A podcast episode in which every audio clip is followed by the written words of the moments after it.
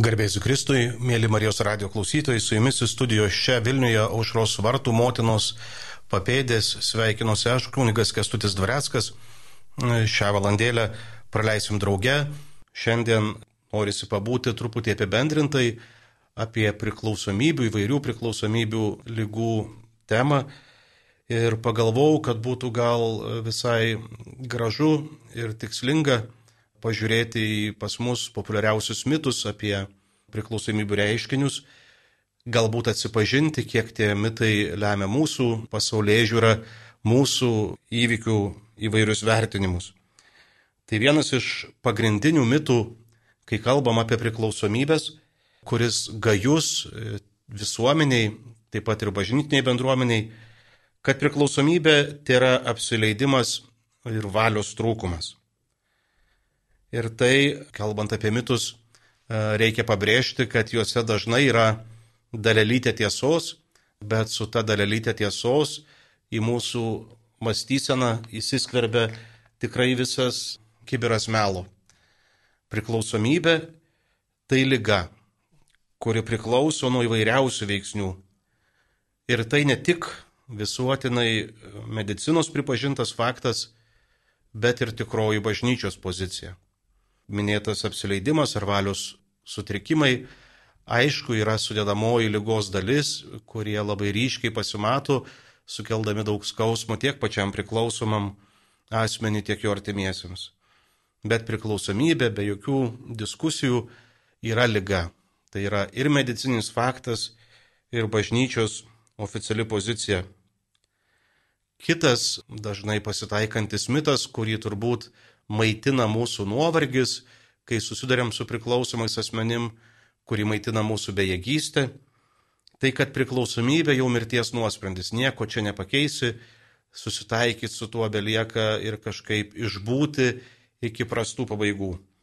Tai norisi labai aiškiai ir nedviprasmiškai sakyti ne. Su priklausomybės diagnoze galima, įmanoma gyventi ilgai ir laimingai, blaiviai ir vaisingai.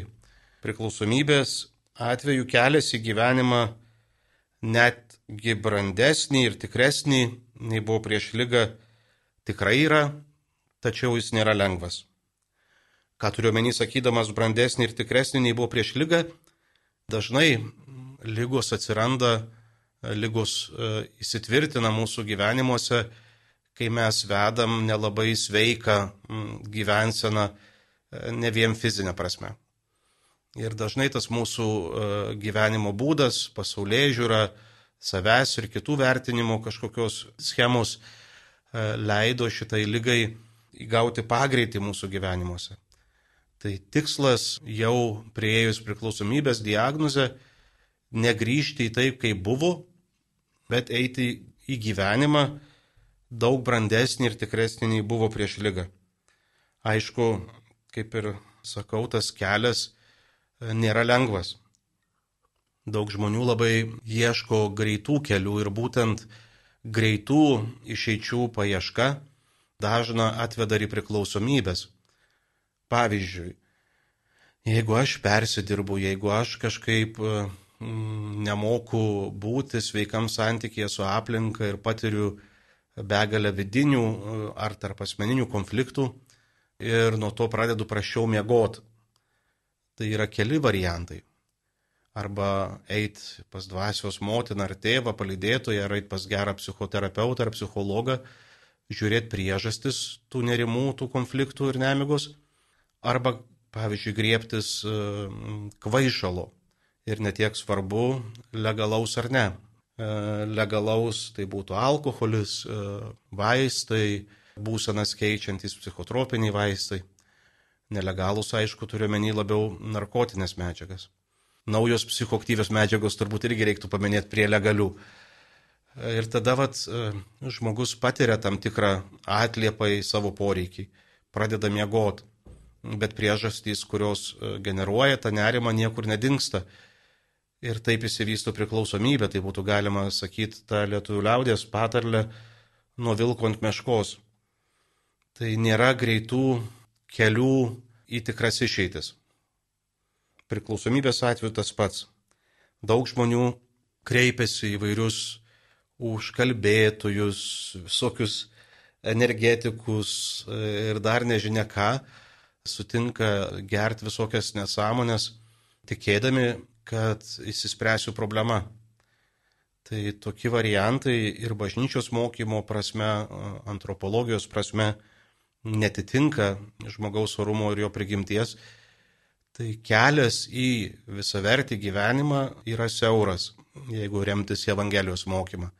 Sako, tie du keliai, vienas platus, patogus, susinaikinimo greitkelis ir kitas siauras kelias, kuriuo verta eiti. Dar kartais pasitaiko, jog girdžiu, jog priklausomybės atveju nedėra žmogui padėti vien dėl to, kad jis pats kaltas dėl problemų ir kančių, kurias patiria. Ypač tai dažnai galima išgirsti save teisingesniais, šventesniais laikančiųjų pokalbiuose. Tai norisi tik priminti paprastą tiesą. Ne vienas priklausomas žmogus nesiekė toks tapti. Ir jeigu jau labai norisi priekaištaut, nors dažnai tie priekaištavimai toli neveda, tai priekaištauti galima nebent ne už tai, kad žmogus serga, bet dėl to, kad neina sveikimo keliu, kad nesigydo. Tai susirgti, kaip žinom, retai siekia žmonės patys. Na gal ten mokykliniam amžiui prieš kontrolinį, bet psichiškai sveiki žmonės nesiekia lygų. Tai ir priklausomybės atveju tas pats galioja kad atsitikus lygai, ištikus lygai, esam kviečiami ne į kaltinimus, kad susirgai ir koks tu toks ir pats kaltas ir dar dėl tos kalties, ten irgi galėtų būti daug labai plačių diskusijų. Ne viskas taip paprasta, kaip mums, kad norėtųsi. Kalbant apie priklausomybę, mes kalbam apie genetinį polinkį, apie socialinius veiksnius įvairius, apie trauminės patirtis nebūtinai sveikoji mūsų visuomeniai pasaulyje po nuopolio, kaip žinom, egzistuoja daug netiesos patirčių, nemailės patirčių, kurios jautresnės prigimties žmonės gali tikrai traumuoti ir pastumėti į priklausomybių glėbį. Tai nesakau, kad žmogus pats nėra atsakingas už savo sveikimą, bet už susirgymą tikrai priekaištaut nederėtų. Dar neretas e, mitas, kuris pasitaiko taip pat ir tikinčių žmonių bendruomenėse, kad priklausomybė yra socialių žmonių bėda. Ir ji mums teisingai tikintiems arba vertybės gerbentiems žmonėm kaip ir negresia. Tai aišku, kaip ir minėjau, mituose yra dalelė tiesos.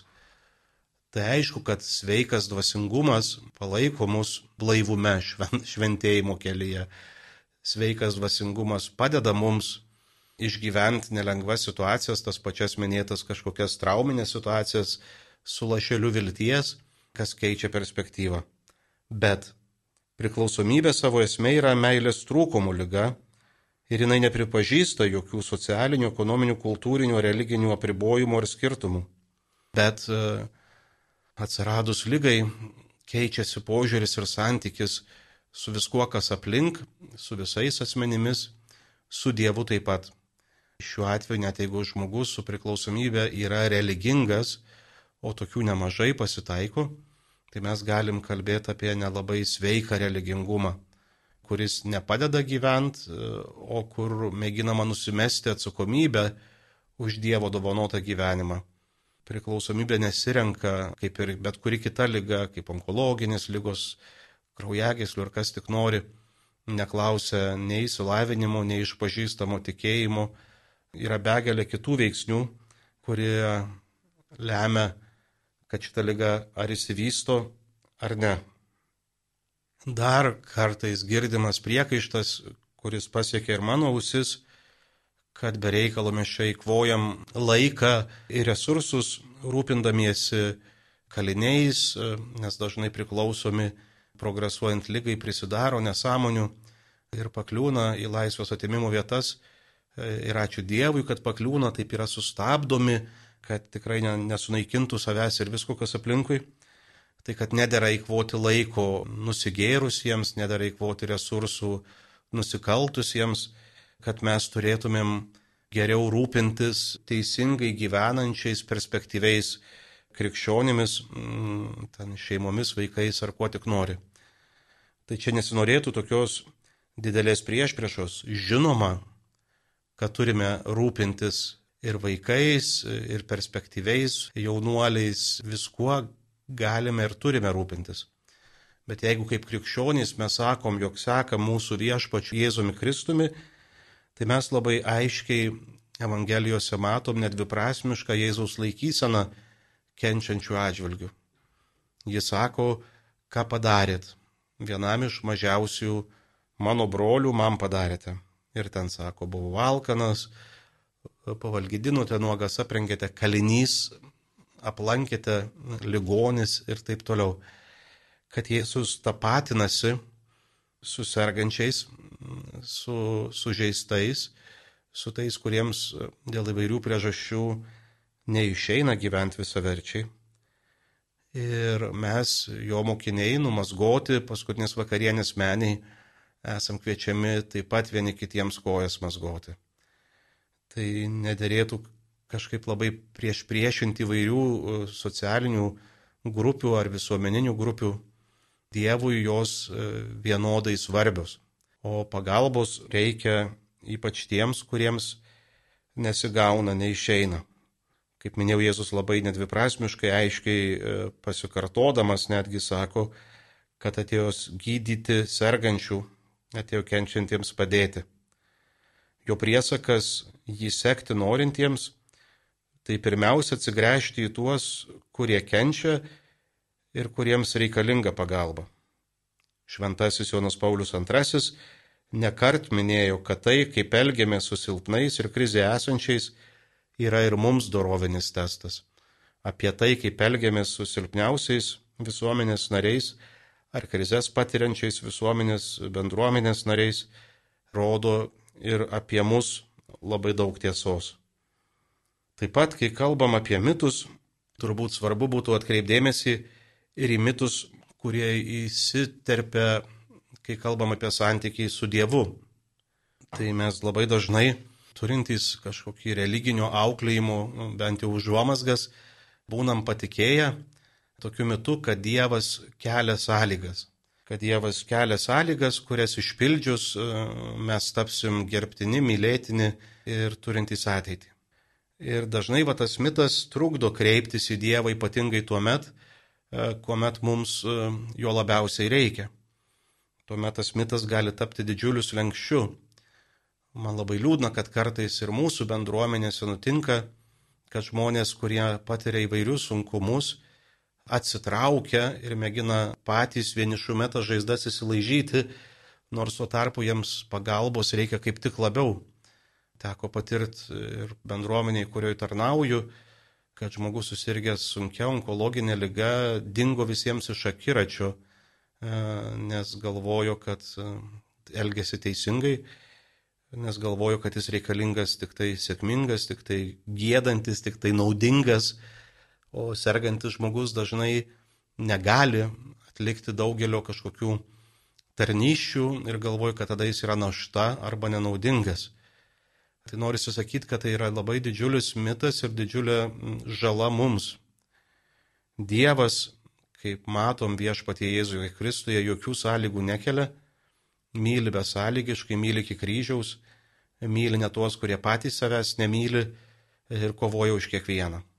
Ir mums nereikia atsitraukti ir mėginti patiems susitvarkyti ir tada jau lysti Dievo akivaizdą, nes tas laikas gali ir neišaušti, nes vieni mes prapuolę, nes vieni mes nesusitvarkysim, o priešingai, tada, kai jaučiam, kad nepajėgiam savęs priimti, gerbti, mylėti, savimi rūpintis, e, galim ir turim iš viso širdies šauktis Dievo pagalbos, kurią jis dažnai mielai teikia žmonių rankomis, šauktis Dievo pagalbos, kad be tavęs mes prapuolę. Ir va tada visas tas Dievo kalbėjimas, ar per įsakymus, ar per kažkokias tradicijas, suprantamas ir priimamas ne kaip sąlygos, kad Dievas mane mylėtų ir gerbtų, o priešingai, kaip sveikimo kelias, kaip Dievo meilės ištarmė, kaip Dievo pagalbos forma, ko laikantis aš galiu tikėtis, kad mano gyvenime neliks vietos įvairiom lyguistumo praiškom. Dar vienas mitas, kurį dažnai girdžiu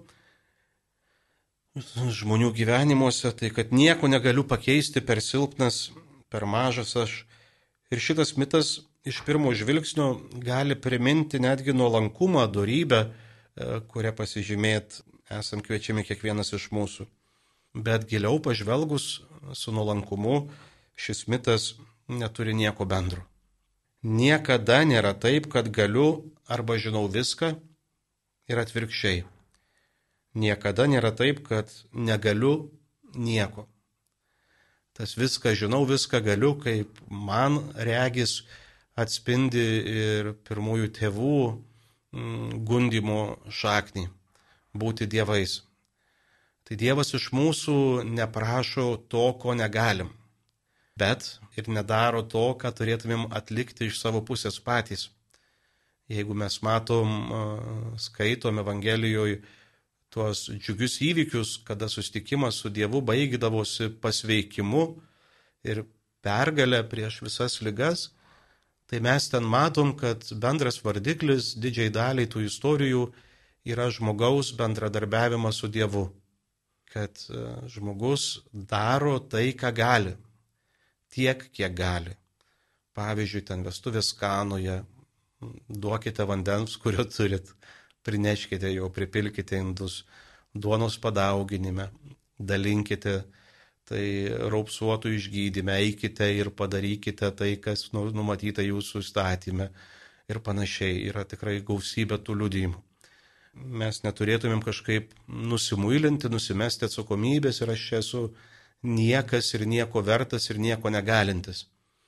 Dievas manęs prašo tiek, kiek galiu. Tai, ką galiu. Problema, aišku, priklausomybės sferoje kalbant, kad dažnai žmonės labai greit daro išvadas ir sako, viską bandžiau ir nieks nepadeda.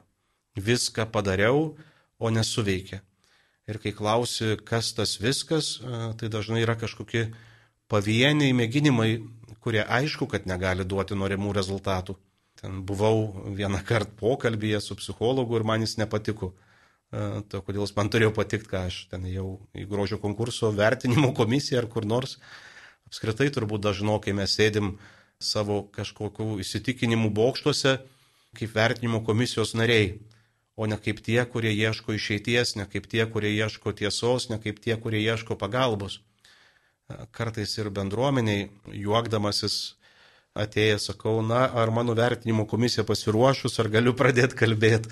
Nes dažnai, čia ne tik apie kitus kalbant, ir apie save, kad dažnai turim perlipti tą kažkokį polinkį vertinti, atmesti, o neįsiklausyti. Tai daryti tai, ką galim, yra labai, labai svarbu ir turbūt pirminė sąlyga sveikimui, eiti į savipagalbos grupės, nesvarbu, kad nepatinka, nesvarbu, kad nesąmonė man atrodo, su to man atrodo reiktų būti iš vis turbūt atsargiems, eiti pas silovadininkus ar psichologus, nesvarbu, kad jie kalba ne tai, kas patiktų mano ausiai, nesvarbu, kad e, nesuprantu, o kodėl ir turėčiau suprasti, iš kur ten tas toks per didelis pasitikėjimas savo galva, kad yra tik taip, kaip aš matau, juk e, gyvenant vien savo galvą, dažnas yra atvairuojami aklygatvius, ar tai būtų priklausomybės ar kitos formos aklygatviai. O gyvenant Dievo išmintim, Dievo dvasios vedimu, e, mes kažkaip įrėmės į priekį, nepaisant įvairių tų siauro kelio sunkumų, bet jie įveikiami. Tai esam kviečiami vadovautis ne savo galva, o Dievo išmintim, kuri dažnai skamba ir žmonių lūpose, ypač kur du ar trys susirenka ieškoti e, išeičių, ieškoti Dievo, ieškoti pagalbos. Man atrodo, vienas iš tų tokių sunkesnių irgi uždavinių, taip pat ir priklausomo žmogaus gyvenime, tai per didelis pasitikėjimas savo matymu, per didelis pasitikėjimas savo galva. Tas toks nuoširdus pasidavimas, pralaimėjimas e, veda į pergalę. Kai pasiduodu, kai pripažįstu, e, kad su savo strategijom tik tai kankinuosi ir kankinu, kai pripažįstu, kad be Dievo statau ant smėlių, kad pirmiems sunkumam užėjus viskas griūna kaip kortų namelis, tuomet prasideda sveikimo kelionė. Kol nepripažįstu, kol einu tik tai ieškoti savo tiesos patvirtinimu, tol tolstu. Ir nuo Dievo, ir nuo žmonių, ir nuo, nuo gyvenimo, kurį gera gyventi.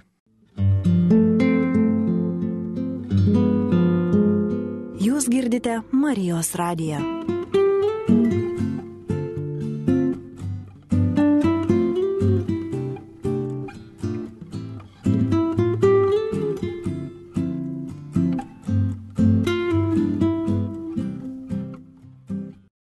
kalbant apie priklausomybės ir įvairius mitus, ką veikiam iki e, bendruomenės himno, turbūt pastebėjom, kad dalis jų didesnė ar mažesnė įtaka turi ir mūsų veiksmams, pasirinkimams, gyvenimui.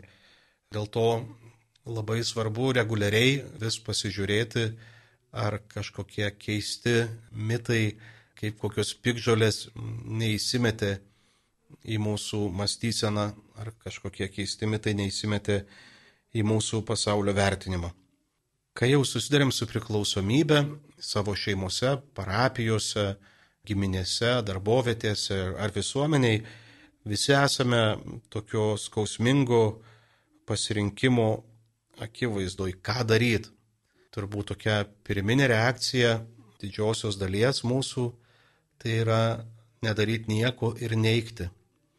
Priklausomybė yra viena iš tų lygų, kuris stebina taip pat ir mokslininkus, nes turi didžiulį neįgymo mechanizmą. Ir neigia ne tik pats žmogus, bet ir jo aplinka.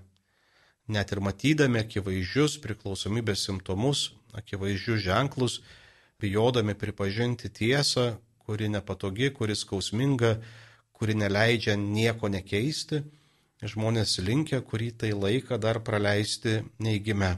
Bet žinom ir iš krikščioniškos antropologijos, žinom iš Jėzaus mokymo, kad tik tiesa, kad ir kokia jinai nemaloni, nepatogi būtų, daro mus laisvus. Tai noriu trumpai tik tai apibendrinant pasakyti, kad priklausomybė tai labai daugia planė lyga, kuri pažeidžia žmogų visuose ligmenyse. Fiziškai, ir tą turbūt jau mes vystantis lygai matom, žmoguje vyksta įvairūs fiziologiniai pokyčiai, psichologiškai, tai nyksta žmogaus savivertė, kinta reakcijos į save, aplinką ir įvykius, socialiai, keičiasi santykiai su aplinkiniais, e, nyksta, atrofuojasi gebėjimas būti bet kurios bendruomenės nariu ir dvasiškai atsiranda egzistencinė tuštuma ir tampa praktiškai neįmanoma atsakyti į prasmės klausimus. Turime skambutį, garbėjai Kristui. Paskambino Rita iš Vilniaus. Garbėjai Kristui. Per amžius amen.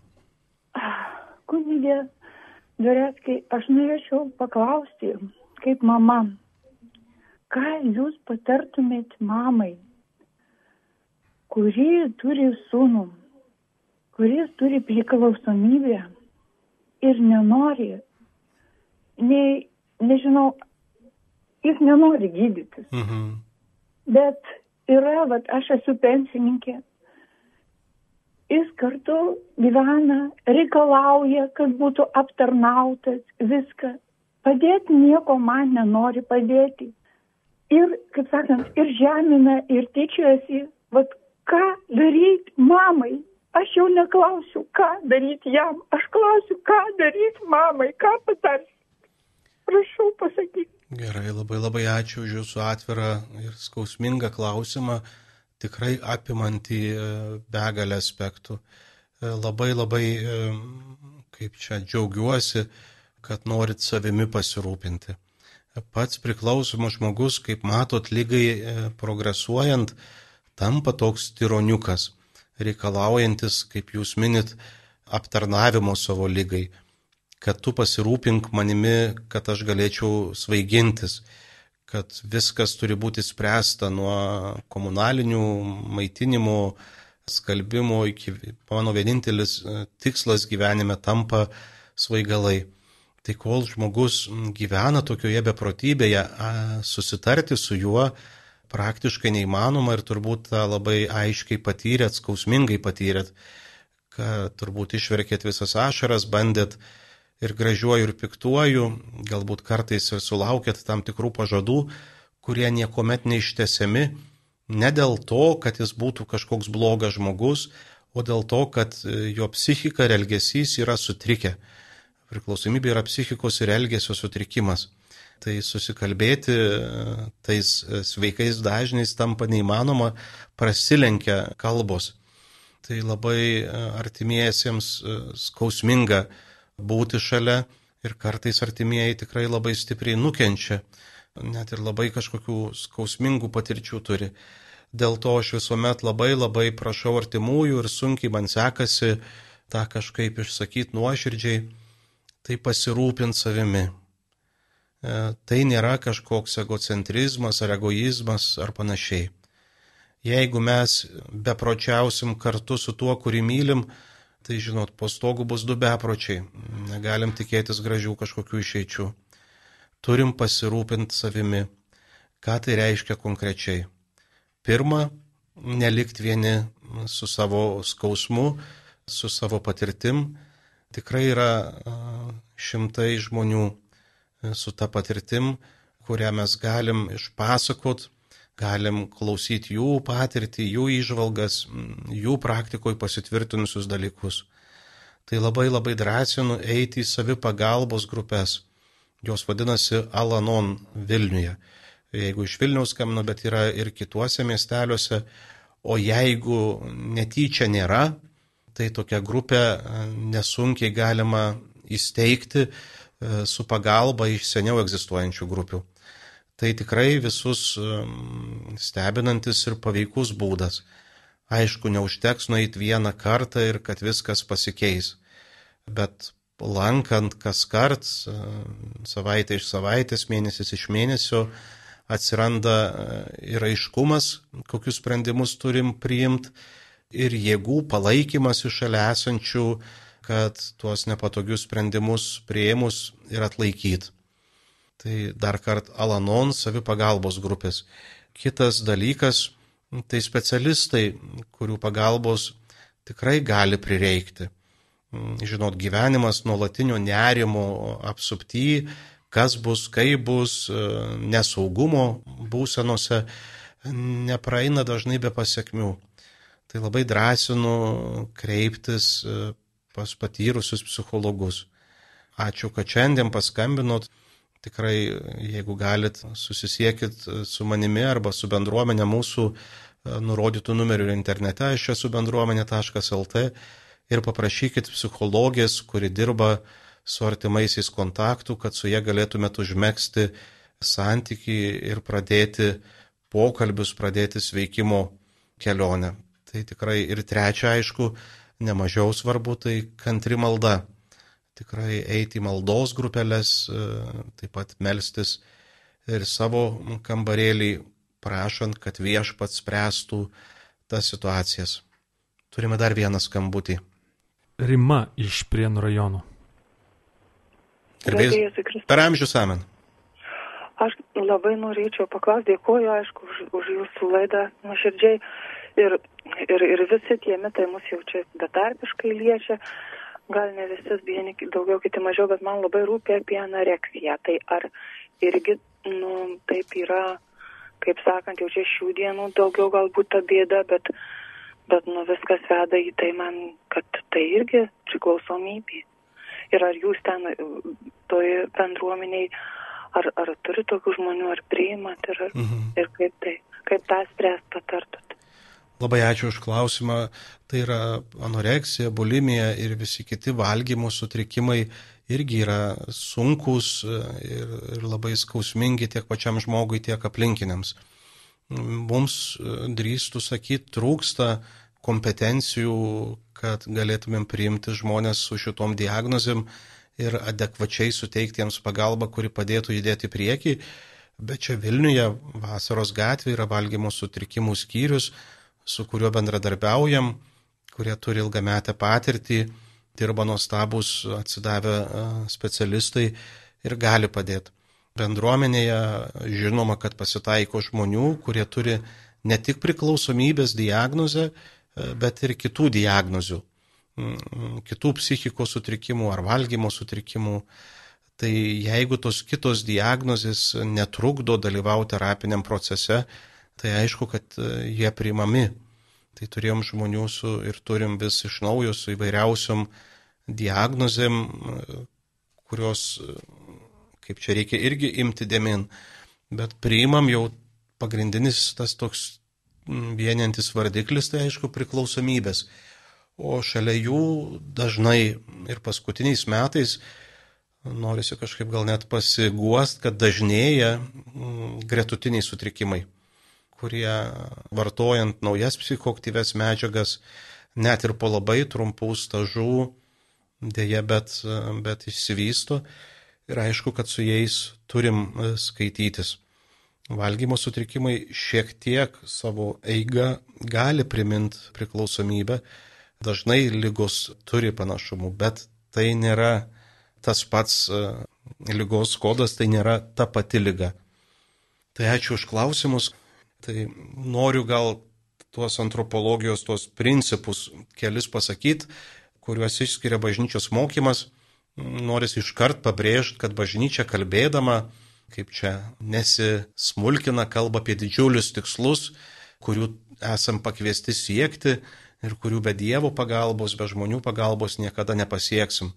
Bet nereiškia, kad neturim eiti į tą pusę, bent jau stengtis e, jais vadovautis tiek, kiek pajėgiam ir galbūt tada su kiekviena diena vis labiau pajėgsim. Tai pirmas krikščioniškos antropologijos principas, kai kalbam apie pagalbą sergančiam, taip pat ir priklausomybę sergančiam, priimti žmogų tokį, kokio jis pats savęs nesugeba priimti.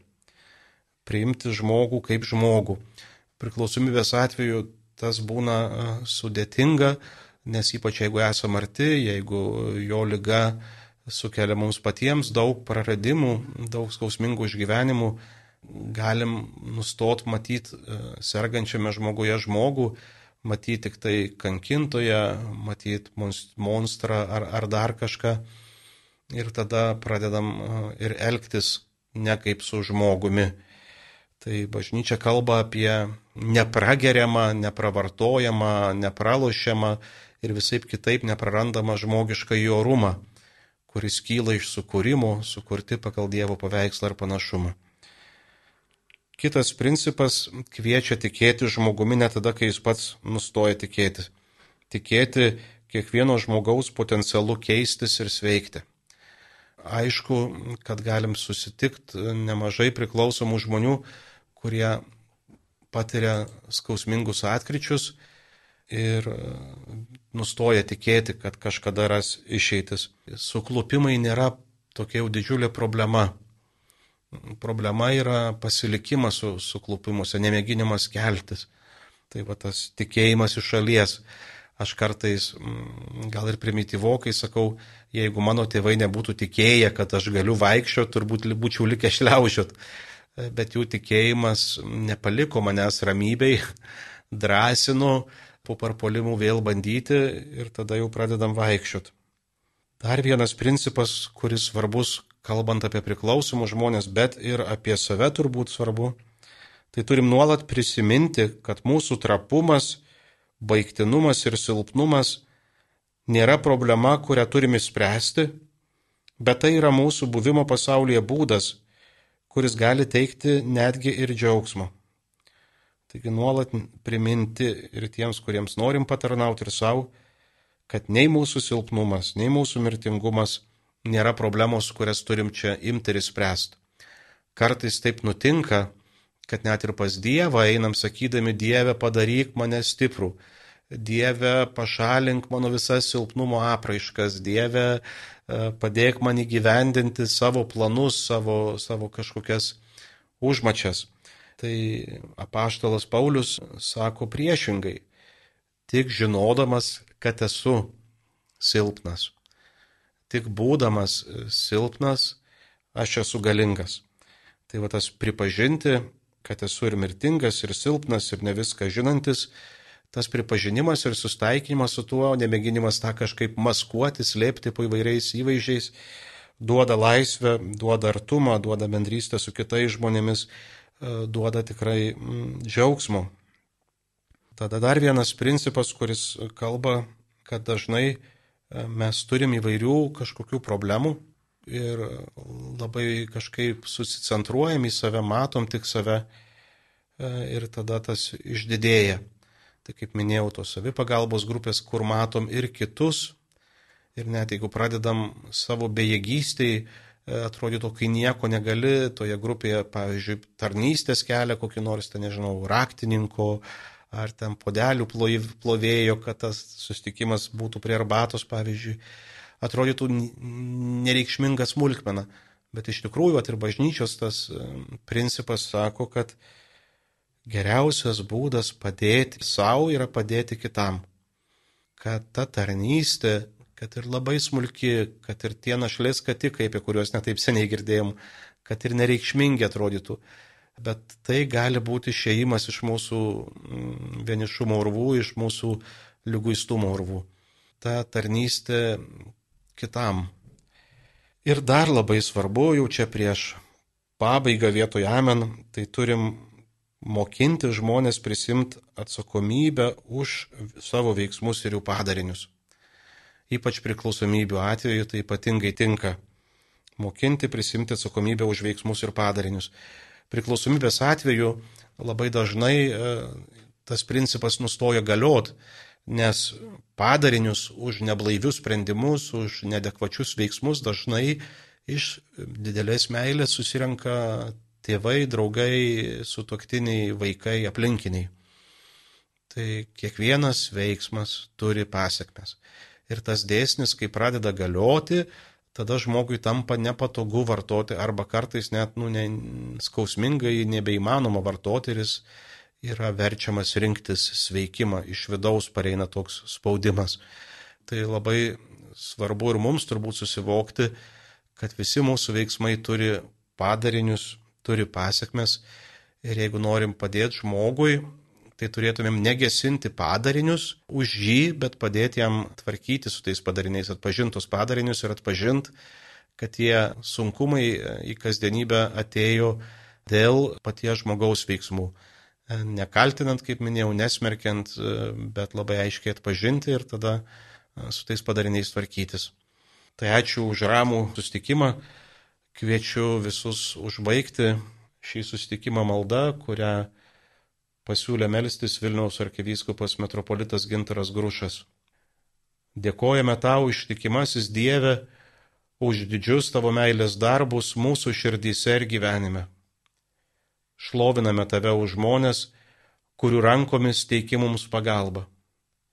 Drąsinki mus visus, gailestingoji meilė, atsiverti tau kad ir mūsų darbais bei pasirinkimais galėtum artintis prie sužvarbusių širdžių. Tau šiandien atnešame priklausomos menų ir jų artimųjų skausmą, bejėgystę ir neviltį. Leisk jiems viešpatie patirti tavo artumą, pakreipk įgyjimo kelią. Tikime beribių tavo gailestingumu ir melžiame leiski visiems nuo priklausomybių jau mirusiems švesti gyvenimą tavo karalystėje. Amen.